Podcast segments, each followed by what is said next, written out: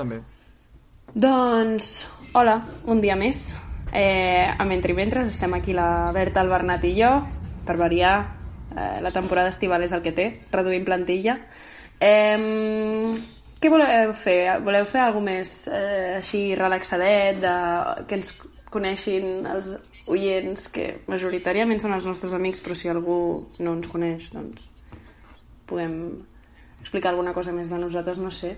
Ens, ens llancem unes quantes preguntes, o què?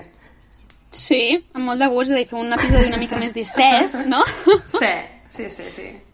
Bueno, m'has preguntat què vull, jo vull... Ui, què jo, vols? Deixa'm A respondre la pregunta amb, amb, amb més exposició. L'altre dia, Berta, et vaig passar una entrevista que li va fer el diari El País al Josep Maria Sí? Esquirol. Te'l no, vaig la passar vas jo, passar tu, sí. és veritat. Jo la vaig llegir, jo la vaig desbloquejar perquè ara el País eh, és d'aquests diaris que, desgraciadament, eh, per motius econòmics no s'ha restringint el seu contingut perquè suposo que s'ha pensat en algun moment que el seu contingut ara hauria d'estar restringit i com... bueno, la cosa és que en, en la- en l'afirmació que no recordo exactament però vindria a ser una mica la seva, la seva màxima de la, la, allò més revolucionari o allò més potent que podem fer és cuidar-nos. Per tant jo crec que mm, a vegades no en som prou conscients i jo crec que si el que l'Esquirol venia a dir no és com un moment com de clausura perquè si alguna cosa ha nascut mentre i mentre ha, nas ha nascut de la Mm. clausura eh, des d'un àmbit més social després veurem fins a quins àmbits podem analitzar aquesta clausura i amb el temps com analitzem aquests anys que ens passarem amb aquestes mesures de distanciament social però si alguna cosa sí que crec que hauríem de posar l'èmfasi és com eh, un se n'adona del que fa falta o d'allò que un necessita, no? I l'acte de preguntar, en aquest sentit, hauria de ser molt més introduït en la nostra, en la nostra quotidianitat, perquè a vegades la pregunta és banal, però la pregunta ens ha de fer fer un recorregut per descobrir allò que fa falta. Podria també entrar en el debat de fragilitat, eh, vulnerabilitat, però jo crec que aquí ja no cal que hi entrem. Ja hi hem entrat altres vegades. I ara que m'està agafant m'està agafant un, un, un què... Sí, se nos va de les mans, jo crec. Eh? M'està agafant un què molt, molt esquirol quan parlo. Però això... Eh, clar, però, qui, però llança'ns alguna pregunta d'aquestes transcendentals. Exacte, va, Bernat. Exacte, tira d'allà, sigues esquirol. Ah, voleu que us la fa... Eh, jo seré molt... Sí, molt esquirol. Vist en perspectiva, ara que hem cursat ja quasi bé tot humanitat, o que creiem que coneixem bastant el món acadèmic, trobeu a faltar algun tipus d'assignatura, o inclús si m'ho voleu posar en el, en el terreny d'estudis, algun estudi que fa falta? Mm. Jo, si vols, començo jo, Maria. Sí, endavant. Per començar. Endavant, endavant. És una, és una pregunta, bueno, una pregunta, un, te, un aspecte, no?, que de fet fa, fa temps que hi dono voltes, i, i no només a nivell universitari, sinó que penso a nivell de tota l'escolarització, eh? Mm. I és la necessitat d'una assignatura que sigui ètica, però que no es faci de manera aïllada a tercer i a quart de l'ESO com a ciutadania i, i no sé quina altra assignatura hi havia així eh, que pràcticament ningú li feia cas, no? I que a, arribava com a com una mena de... És que ni miracle, eh? Era, apareixia i visto no visto. I penso que és, seria molt necessari que hi fos present des de la, la primera etapa d'escolarització, um, perquè trobo que és una necessitat i com a, com a formació em, de persones. Uh, No sé què en penseu, eh? però la necessitat de crear una ètica, d'una manera de relacionar-nos, una manera de, de viure el dia a dia, no? no únicament centrar-nos en les grans assignatures, mates, català, llengua... És a dir, que és fonamental això, eh? però també per créixer com a persones la necessitat d'aquesta ètica i de diverses ètiques, no? Adaptant-nos molt a, a cada rol de l'estudiant i després arribar a la universitat i també fer-ho, perquè crec que hem tractat autors de manera totalment aïllada, però no hi ha hagut una assignatura com a tal, no? Bueno, jo sempre reivindico que, que hauria d'haver-hi més assignatures de pensament a, a la carrera i que no hi són, a diferència d'història o d'història de l'art que en fem més. Però bueno, era la meva petita aportació de- de- d'avui. Um, jo, jo, potser seguint amb la Berta eh, parlaria a nivell general d'una cosa que mm, jo crec que és un problema que tenim eh, a la nostra cultura i és eh, lligant amb el que deies d'una assignatura que tractés la ètica sense ser un fet aïllat, l'alternativa als que no feien religió, en el meu cas, és una assignatura o almenys una assignatura que englobés aquestes diverses temàtiques, però sobretot que parlés de la mort. Perquè mm, hi ha aquesta, aquesta creença de que, de que sempre viurem i, i després, eh, al final, la, la, la, mort és, és l'altra cara de la moneda de la vida. I ens, i ens oblidem d'aquesta l'altra cara i després, quan truco a la porta, ens, ens, ens, ens sorprèn. I, i, i, no. No sé, això, això és una cosa que Uh, M'ho va dir un dels meus professors de batxillerat quan va, vaig perdre la meva millor amiga ara fa 4 anys. I, i em va dir això, em diu estem tan acostumats a la vida que quan ens truca la mort a la porta ens, ens sorprèn i ens agafa desprevinguts. I, i jo crec, jo sempre he dit que falta el tractament de la mort, falta mm, la, la normalització de, bueno, mm, treure'l d'aquesta esfera tòpica de tabú, de oh, no parlem d'això fins que passa, no, parlem-ho perquè quan passi jo, jo, vull, jo voldria que els meus fills doncs, entenguessin la mort de manera sana i com a una realitat, no com una cosa eh, externa que passarà en algun moment, que evidentment sí, que no s'ha de pensar en que morirem demà, però a la vegada jo crec que tindria els seus avantatges. No sé si, no sé si m'enteneu cap on estic anant. Sí, sí, sí, totalment. Eines, eines pel dia a dia, per la quotidianitat i per saber encarar-te la vida. I parlar mm. amb bonètica, però també altres formes, no? És a dir, parlar de la mort, eh, de l'amor, de, de tants i tants altres temes que, que no tractem. Faig següent sí. pregunta o què? Vinga, va, una altra pregunta, Berta. Vinga, va, una pregunta més distesa, eh? Quin és el vostre llibre de capçalera? Bueno, llibre o llibres? doncs espera, començaré jo eh, pels que...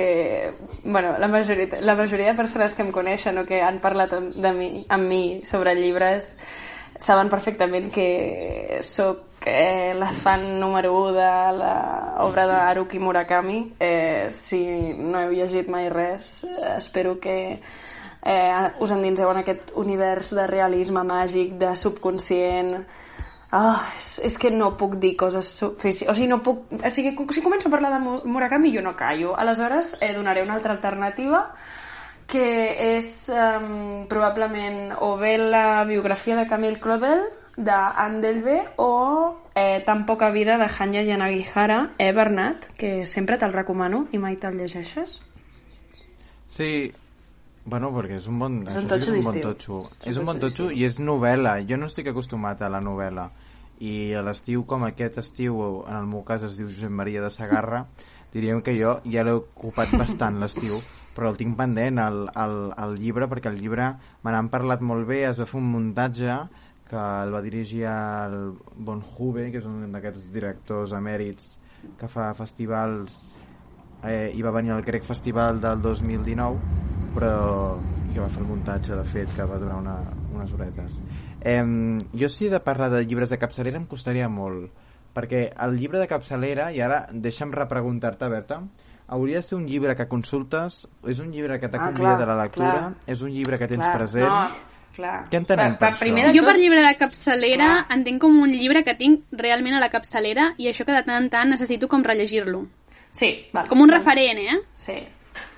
Jo no soc de rellegir, però he dit els meus llibres Clar. allò de eh, jo, jo ho he interpretat com una mica els meus llibres preferits o els que els hi tinc més apreci potser. No m'agrada dir, no dir el terme de llibre favorit perquè al final eh, els llibres t'aporten coses determinades en determinats moments de la teva vida i probablement si els llegeixes en un moment o altre doncs tenen un impacte major o menor. En el meu, en el meu cas eh, ja, ja us dic eh, mai havia entrat en la literatura d'un autor tant com he entrat en Murakami tant com he entrat en la literatura japonesa Eh, I clar, llavors jo l'he interpretat com això. Perdó. No, jo crec que la, la resposta té aquest punt, no? Jo crec que si hagués de dir uh, literalment de prestatgeria, et diria l'obra de Josep Maria Benet i Jornet, de la Sarah Kane, que són els volums aquests que edita Arola Editors i que són molt fàcils de llegir i els tinc aquí literalment al costat de la Bíblia i dels diccionaris i per tant en aquest sentit sí que són de consulta constant no?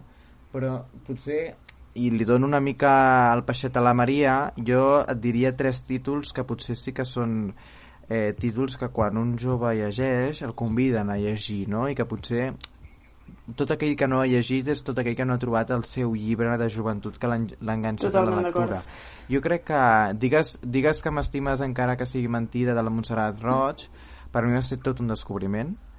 Um, després eh, et diria ja més en el caire de dues novel·les. Hi ha una novel·la que jo quan la vaig llegir vaig entrar en una espècie de paisatge místic quan la novel·la no és ni mística ni res és una novel·la del Ferran Torrent que és el eh, Gràcies per la, la propina i després hi ha una altra que la va editar en català eh, el Cercle de Viena que per cert hauríem de fer algun dia hauríem de parlar més del Cercle Apuntat. de Viena com a Apuntat. editorial eh, que és la 10 a Berlín del Isherwood Christopher a mi em va agradar molt del Christopher Isherwood a mi em va agradar moltíssim recordo que la vaig llegir a Alemanya no a Berlín precisament i mm, també i mira que t'estic dient tres llibres que em van enganxar a la lectura, tres dels quals no són teatre i t'estic dient que els de prestatgeria sí que són teatre, eh?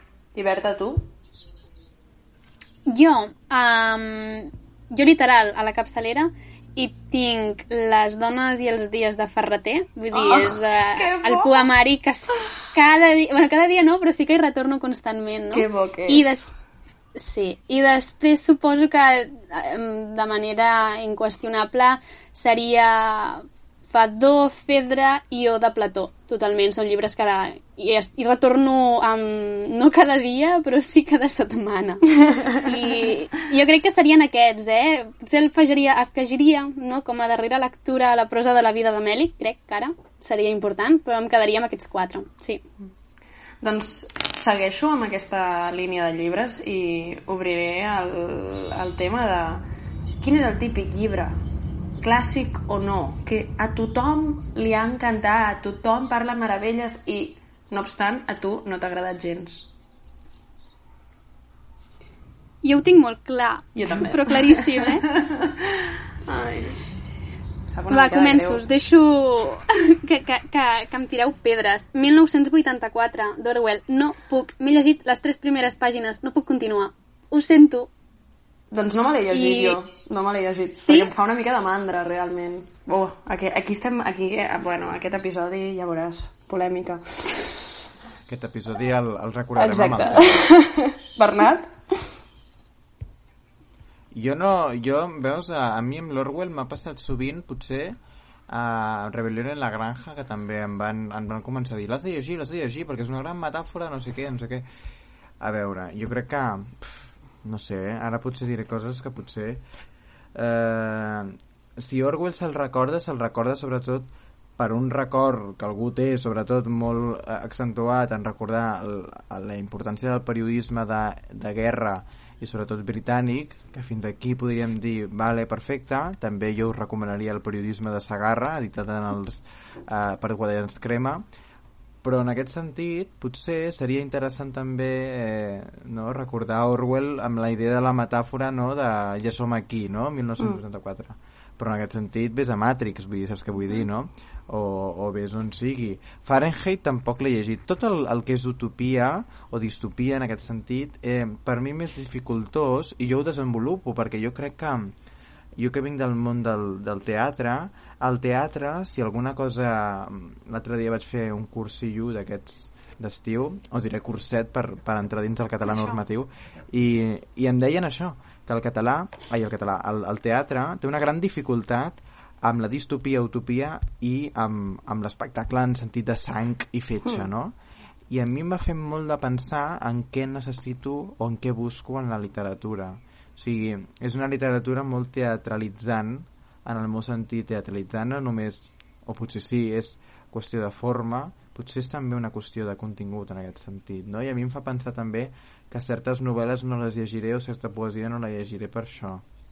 No sé si en aquest sentit he obert un meló que no hauria Bueno, el d'haver que obert, queda no? clar... Però en aquest sentit ho penso el que queda clar és sincerament, que no? Orwell no, no ens agrada gaire. Jo, jo perquè no he llegit res, però ja us dic, eh, ah, jo tinc la tendència de que si algú em parla molt d'un llibre, menys ganes tinc de llegir-lo. O sigui, és lo típic de, ah, jo escoltava això abans de que fos mainstream. No ho dic en aquest sentit, ho dic en el sentit de que, de veritat, premis Pulitzer, eh, premis així grans, internacionals, doncs eh, la meva experiència ha, ha sigut eh, negativa.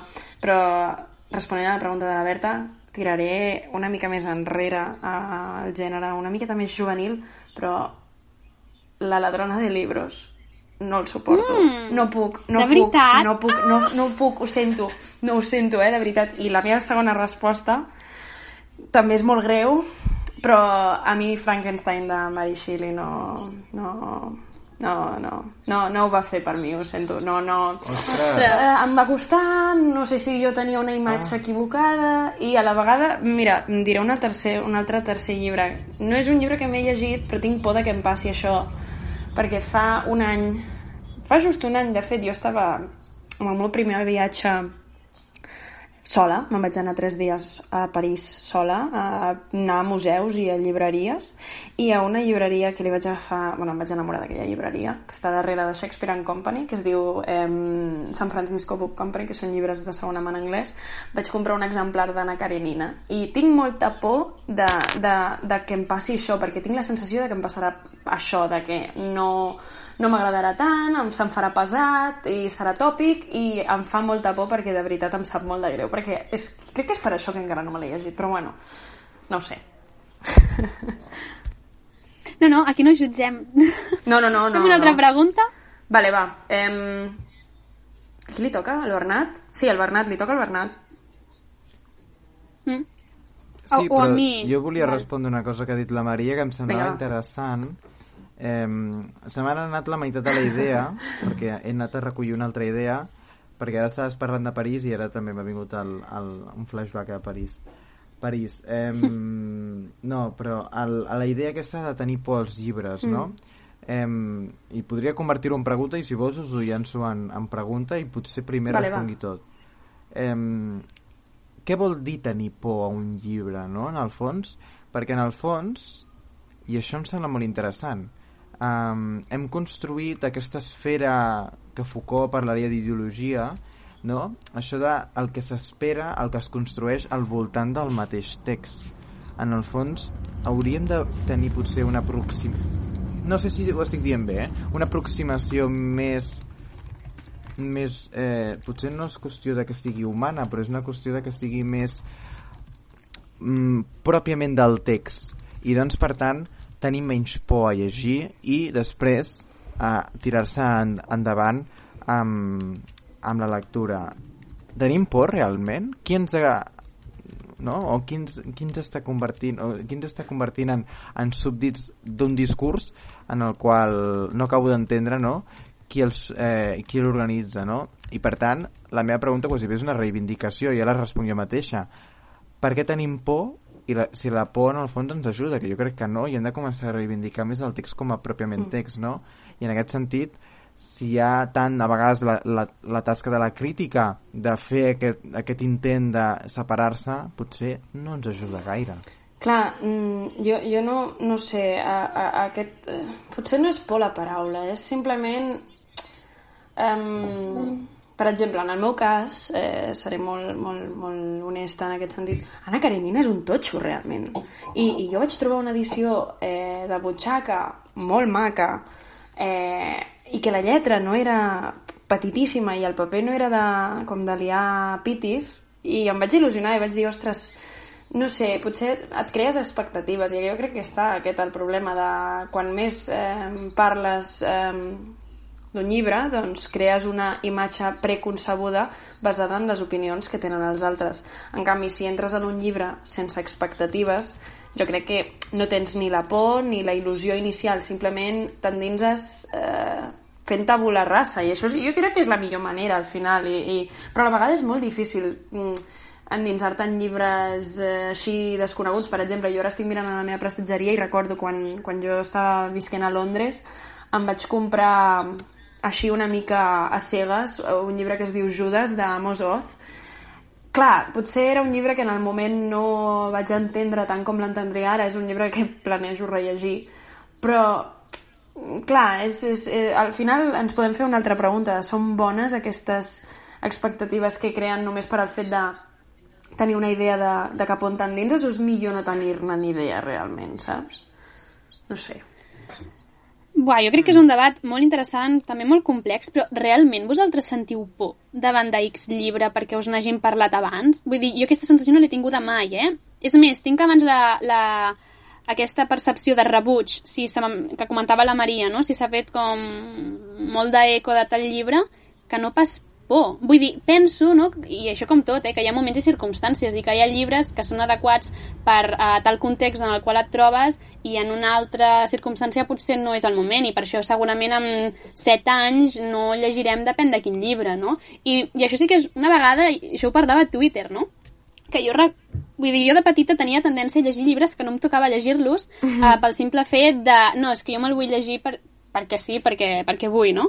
I, o, però bueno, mm, i llavors, jo què sé, vaig acabar-me llegint-me Kafka a tercer de l'ESO quan evidentment no calia i vaig acabar odiant la metamorfosi. Però sorprenentment el meu germà, que és 5 anys menys que jo, um, recordo que, que li van fer llegir la metamorfosi i em vaig indignar molt perquè pensava, a veure, si tu com a persona no, individual decideixes llegir-te'l, molt bé, ja et faràs tu el, el, el cop sola, però que des de l'escola s'impulsi llegir Kafka amb 15 anys, és que ho trobo una, una, una barbaritat, més que res perquè és que faràs odiar la lectura realment, perquè és una lectura molt complexa, no? I perquè no s'adequa. veus, no estic doncs, gens d'acord, Doncs jo sí, eh? és a dir, que tu... Ui, ui, ui. Ara hi haurà pique. Sí, sí. No, No, perquè... però ja, és, així, així i- no s'anima a les temps per lectures. acabar, eh? Vull dir, penso que hi ha molta literatura per llegir, no? I, i de fet, ara crec que, que era Llobet, a l'entrevista que li feien a l'Ara, no? i que tu i jo, Bernat, vam estar parlant justament, feia referència a això, que hi ha moltíssima literatura i moltes vegades ens centrem a llegir certs llibres perquè s'han de llegir sí o sí, i que sí que s'han de llegir, eh? però potser no amb 13. Ui, el Jordi Llobet, sí, bueno, el Jordi Llobet, sí, jo l'he escoltat moltes vegades dir que ell, ell té un pla de... Sí, el Jordi Llobet té un pla de lectures que la consellera sempre la, el truca i li penja el telèfon, sí, molt maco el senyor Llobet, Llobet. Però jo he de dir una cosa, i, i l'edició que té el Llobet, eh, que és Eines, on la qual hi ha una introducció seva i tot plegat, és molt bona. Penseu que ara han sortit dues edicions de Kafka al català, que són dues traduccions del Joan Ferrarons, Sí, però ja no bones. només com a edició i com a lectura, sinó pel bones. contingut, saps? Sí. Vull dir, que et quedaràs amb, amb, amb la simple aparença. Bueno, però el contingut... Jo crec que la grandesa d'aquests clàssics a vegades també és aquesta idea de que han passat a la història perquè tenen una dimensió quasi bé de que se'n pot treure de tot d'allà. I igual que de Kafka, qui vol pot defensar a ultrança una lectura psicoanalítica i la pot defensar com, com a única i com el que vulguis, Kafka jo crec que és una meravellositat Sí, Bernat, no totalment, però tu no i la Maria, tant, jo, els estudiants un- d'humanitats, metàfora tenim una sensibilitat. La Clar, gent que perquè- realment no, o sigui, és que realment li estàs fent avorrir i, Jo- i, Però i, i odiar la lectura. Permeteu-me fer creat, un comentari, no estic però- gens d'acord, ha creat Sí, una Maria. metàfora O sigui, permeteu-me fer un comentari, jo crec que els dos esteu dient veritats, però així, jo crec que com a cluenda de l'episodi d'avui eh, és molt important eh, clar, eh, sobretot eh, eh, és, és un altre debat, no? però les lectures obligatòries al col·le.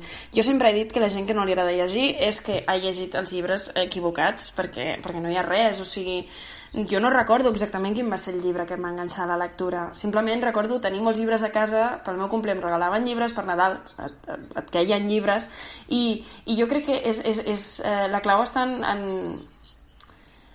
en no avançar-nos tant. Jo aquí, deixeu-me, però- Que, jo crec que hi ha lectures per tot moment, que- i, i és el que deia que la, que no la Berta, cert, jo crec. eh? Jo en aquest sentit potser sí que estic més d'acord amb la Berta, de que no pots fer jo, llegir Kafka a un nen que no s'ha llegit ni Harry Potter, evidentment. Eh, I molts casos hi ha, eh? Però jo insisteixo, Kafka, pel que és la lectura, és un dels grans pilars perquè el que crea en imatges o en metàfora o en llenguatge o el que vulguem ho adopta tota la literatura que va al darrere. Ja no hi ha res Clar, però Bernat, no només, o que no només és la Kafka lectura de aquest sentit. Kafka, un moment, un sinó moment, com un moment, ja acabo. Kafka, I perquè jo te'l crec que deixen llegir el i ja que- està. I, i després, no, un No moment. No, però vull dir, llegir Kafka és una cosa senzilleta perquè són 70 pàgines. No et, ningú morirà per veure com un bitxarraco Sí, Bernat, és una però persona... Kafka- No, però és que sovint hi ha seva professor entès. No, no, no, un Kafka. moment, És un que moment, aquest un és el moment. problema. Un moment, un moment, un moment. Però, vull dir, i després hi ha una altra cosa que jo he detectat en la Maria i aquí sí que jo crec que vull puntualitzar. I hi ha una entrevista que li van fer a la Maria Boigues que jo crec que ho va dir amb una claredat increïble, que és... Eh, hi ha gent que encara no ha trobat el seu llibre, no sé què. No, no, és que hem d'assumir també que el club de la lectura és un club privilegiat Ui, ui, i un grup ui. minoritari i que sempre Vale, ho sí. serà. Pensar que tothom en un futur o en un present eh, megalític es posarà a llegir llibres i serem tots llibrèfils, jo crec que això és una, també una no comprensió No, però, Bernat, també però la, la, la precisament per lectura. això- Igual de la mateixa manera que ens pensem demà que solucionarem el món fent tothom anar al teatre o el que sigui. Jo crec que també, també hem de saber entendre eh, de quin mal pequem i per què no ha d'agradar tot el que fem, però perquè als nens han, no els agradi Kafka, no crec que això sigui mai una resposta a dir hem de deixar de llegir Kafka als 15 anys. Jo crec que sí que és important que no llegim coses d'una gran complexitat perquè hi ha coses d'una gran, gran eh, filigrana que algú no pot comprendre a certa edat. Però Kafka? No, però Bernat, sí, però és que tu Kafka. pots I llegir Kafka, però és que, que els Kafka agrada professors, molt. jo recordo, és a dir, que em feien llegir depèn de quin llibre, i, i és que simplement te'l donaven, el llegíem a classe, després fèiem quatre comentaris i xim-pum, aquí no ha passat res, i et deixaven a, amb tot el llibre i la literatura i tu sol, i dius, però què és això? El problema és que es, es, es pot esmentar que existeix tota aquesta literatura, se'n poden llegir fragments, es poden, és a dir, han d'haver-hi també molts, molt bons professors de literatura per saber tractar aquest tipus d'escrits, de, d'escrits. i crec que moltes vegades no hi és, perquè és que jo literal, vull dir, venia el professor i encara he tingut bons professors de literatura, eh? que això sí que ho vull dir, ho vull reivindicar, però moltes vegades no hi són, no ho sé.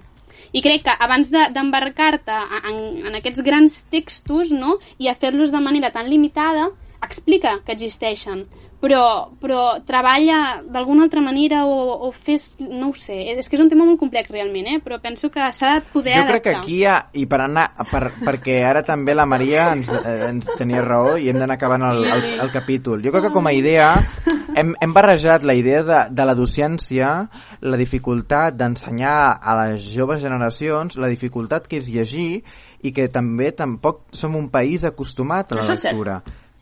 Jo crec que això és, Mm, això és totalment. un aspecte. I després l'aspecte és què són els nostres cànons i què hem de fer llegir. I jo crec que aquí també hi hauria una gran reflexió pel que ha quedat del patrimoni. Però jo crec que això és un altre debat. Per tant, jo crec que com a reflexió, eh, a vegades està molt bé replantejar-se què, és, eh, què volem llegir com a país, com a generació, com el que vulguem, però a vegades també ens hauríem de preguntar, eh, més enllà del que podem entendre, eh, a vegades també ens hauríem de preguntar amb qui volem llegir certes coses. No? I això és una altra pregunta i aquí hem de, de, de repensar-nos també en quin punt estan les biblioteques municipals de la xarxa de biblioteques municipals de, de Catalunya, de les diputacions, i això és una altra resposta i algun dia hauríem de fer un monogràfic de les biblioteques. Jo crec que, a millor conclusió, Maria, que aquesta no en trobaràs No, no, enlloc. no, el que està clar és que el Bernat no té àvia. Vull dir, no, no, a veure, tampoc és això. Però sí, sí, és, és, un, és, un, és un episodi que obre molts debats i que, en tot cas, tractarem en propers episodis, com sempre. Jo crec que, a veure, és que al final o, en, o ho tractarem en nous episodis o, o quedarem i ho parlarem perquè, evidentment, sempre ens agrada fer de mediadors entre Sí, una discussió que entre el volíem- Bernat i la Berta. Però bueno, eh, la intenció era fer un episodi lleuger, eh? Però, però bueno, passa Sí, exacte, passa. és el que anava a dir. Volíem fer una cosa eh, distesa i ha acabat convertint-se en una lluita dialectal eh, profunda. Però ja està bé, ja està bé. Vull dir, Però no passa res. No podem això, allunyar-nos. això, és, això és una mica de tot, una mica de res. Avui ha sigut una mica de massa. Però, però bueno, esperem que us hagi agradat. En tot cas, si voleu seguir amb el debat, eh, busqueu les xarxes socials del Bernat i la Berta. Estaran encantats de respondre-us i debatre per les xarxes socials. I en tot cas, avui ho, ho deixem aquí. Així que, no sé, si voleu aportar alguna cosa més... Bueno, no, no millor no aporteu res més. No, No, millor no. Però bueno, bona tarda, bona nit, bon dia, sigui el que sigui el moment en el que ens escolteu. I res, fins la propera.